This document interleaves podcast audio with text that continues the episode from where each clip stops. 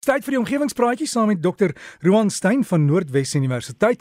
Kuier iewers in Suid-Afrika. Hallo Roan, alles oor bome.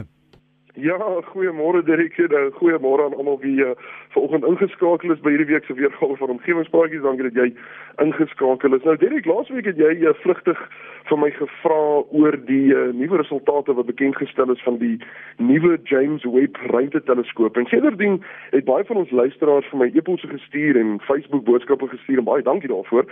Uh oor die bewering dat daar meer bome op die aarde is as sterre in die heelal. Nou dit is 'n baie interessante vraag en en, en dit is een van daardie vrae wat nie reg klink op die oor nie. Maar daar is meer waarheid in daardie stelling as wat 'n mens dalk sou besef, maar ons moet net die oorspronklike stelling net so klein bietjie aanpas. So as ons na die vraag kyk uh, en, en vra of daar wel meer bome op die aarde is as sterre in die heelal, dan is die antwoord natuurlik nee. Nee, daar is definitief nie meer bome op die aarde as sterre in die heelal nie, maar As ons daardie stelling so klein bietjie aanpas en ons vra eerder, is daar meer bome op die aarde as wat daar sterre in die Melkweg is? En snaaks genoeg, dit is wel die waarheid. Die stelling dat daar meer bome op die aarde is as sterre in die Melkweg is heeltemal die waarheid. So natuurlik gaan ons nou nie die gesprek daar los nie. Jy en Veronique het nou nou gevra hoe op dese aarde bepaal mense hierdie tipe hoeveelhede en ons almal is burgerwetenskaplikes en wil nie net iets glo omdat iemand so gesê het nie. Ons wil weet hoe het hulle by hierdie interessante feit uitgekom. So eerstens wat ons almal moet verstaan wanneer ons hierdie tipe gesprek het oor hierdie hoeveelhede, moet ons besef dat om die hoeveelheid bome op die gesig van hierdie mooi aarde vir ons te bepaal, is glad nie maklik nie. En om die hoeveelheid sterre in die Melkweg te bepaal, is nie veel makliker nie. So hou asseblief in gedagte dat hierdie hele gesprek het groot foutgrense op. Alles is plus of minus. Die huidige tegnologie tot ons beskikking maak daarom hierdie foutgrense kleiner en kleiner soos wat ons meer uitvind en meer navorsing doen, maar breedweg moet ons ook net weet dat hierdie hoeveelhede kom met 'n klomp soos wat hulle in Engels sê if buts and maybes. So eers kom ons kyk gou hoe bepaal hulle die hoeveelheid bome op die aarde. Nou in die verlede en tog vandag ook word woude deur mense opgeskryf. Daar is mense daar buite, uh, van hulle is professionele wetenskaplikes, van hulle is burgers wat graag betrokke wil wees en hulle gaan in woude in en meet die woude op. Hulle karteer die woud en letterlik tel die hoeveelheid bome in daardie woud. Nou mense kan maklik sien dat hierdie is 'n vreeslike tydsame proses want daar is net eenvoudig nie genoeg mense of genoeg tyd om dit met hierdie met al die om met al die woude in die wêreld te doen nie. Nou dit is hier waar die prosesse meer tegnologies raak. So daar is honderde satelliete wat om die aarde wentel wat permanent foto's neem van die aarde. En daardie foto's kan onder andere ook gebruik word om bome te tel, mits jy elke boom kan identifiseer. So kunsmatige intelligensie word dan gebruik om rekenaarprogramme te leer hoe om bome te identifiseer op satellietfoto's en dit kan net gebeur deur die harde werk te gebruik van mense wat reeds al bome getel het um, in verskillende woude om hierdie algoritme dit te leer.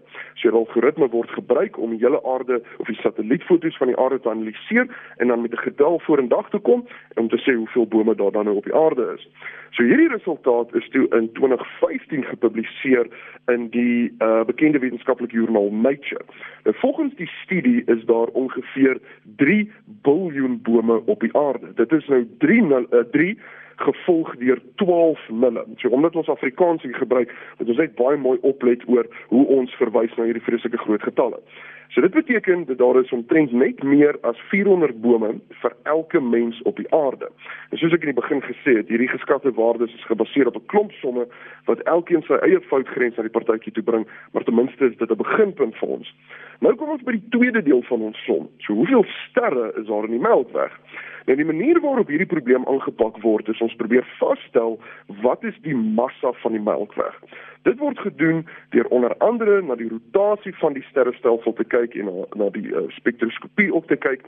En wanneer die massa bepaal is, is ons som definitief nie klaar nie. Dan moet ons eers dink oor hoeveel van hierdie massa is werklik sterre en hoeveel is donker materie of dark matter soos dit in Engels bekend staan.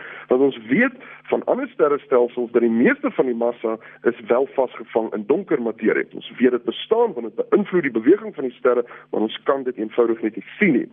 So wanneer daar nou genoeg navorsing gedoen is en wanneer daar nou besluit is watter persentasie is watter soort massa, word die hoeveelheid sonmassas in die Melkweg geraam op tussen 100 en 400 miljard. So weer eens omdat ons Afrikaans praat, dit is dan nou 100 of 400 gevolg deur 9 nulle. En uh, ons kan natuurlik ook sien dat net soos met die hoeveelheid bome op die aarde geskat is, is hierdie proses ook breedweg en die foutgrense is maar groot, maar selfs met hierdie groot foutgrense kan ons sien dat 3 biljoen is heelwat meer as 400 miljard.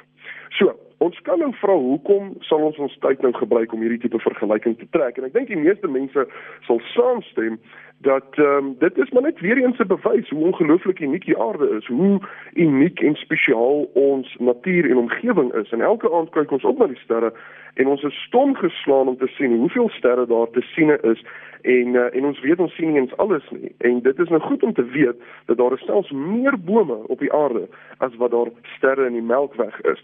Nou die skokkende deel van hierdie studie Derek is nou maar net dat hierdie satellietfoto's wys ook vir ons dat rondom 15 miljard bome afgekap word elke jaar. En die terugplantkoers is eenvoudig net nie ehm um, uh, dieselfde of hoog genoeg nie. So ten slotte sê dit ja, daar is meer bome op die aarde as sterre in die Melkweg, uh, uh, sterre in die Melkweg. Dit is definitief waar.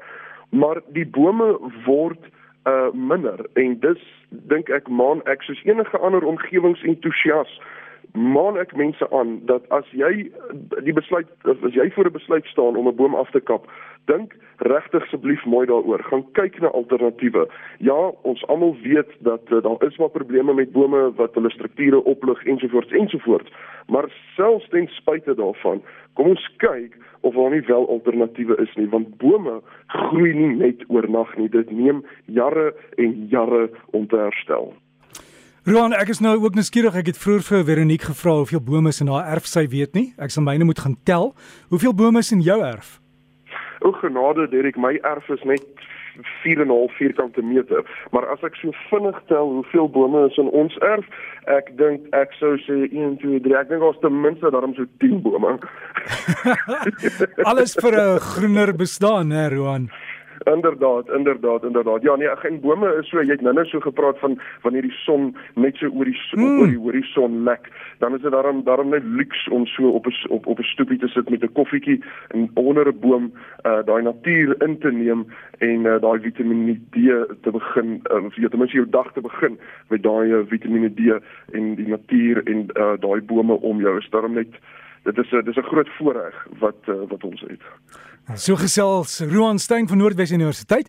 As jy wil kontak maak, jy kan hom e-pos omgewing by rsg.co.za. Anders gaan loer op die Facebook bladsy omgewingspraatjies. Sluit aan by hulle groep of breakfast. Ek sal hom vra om dit ook daar te plaas. Kry die inligting en jy kan daarvan af ook kontak maak.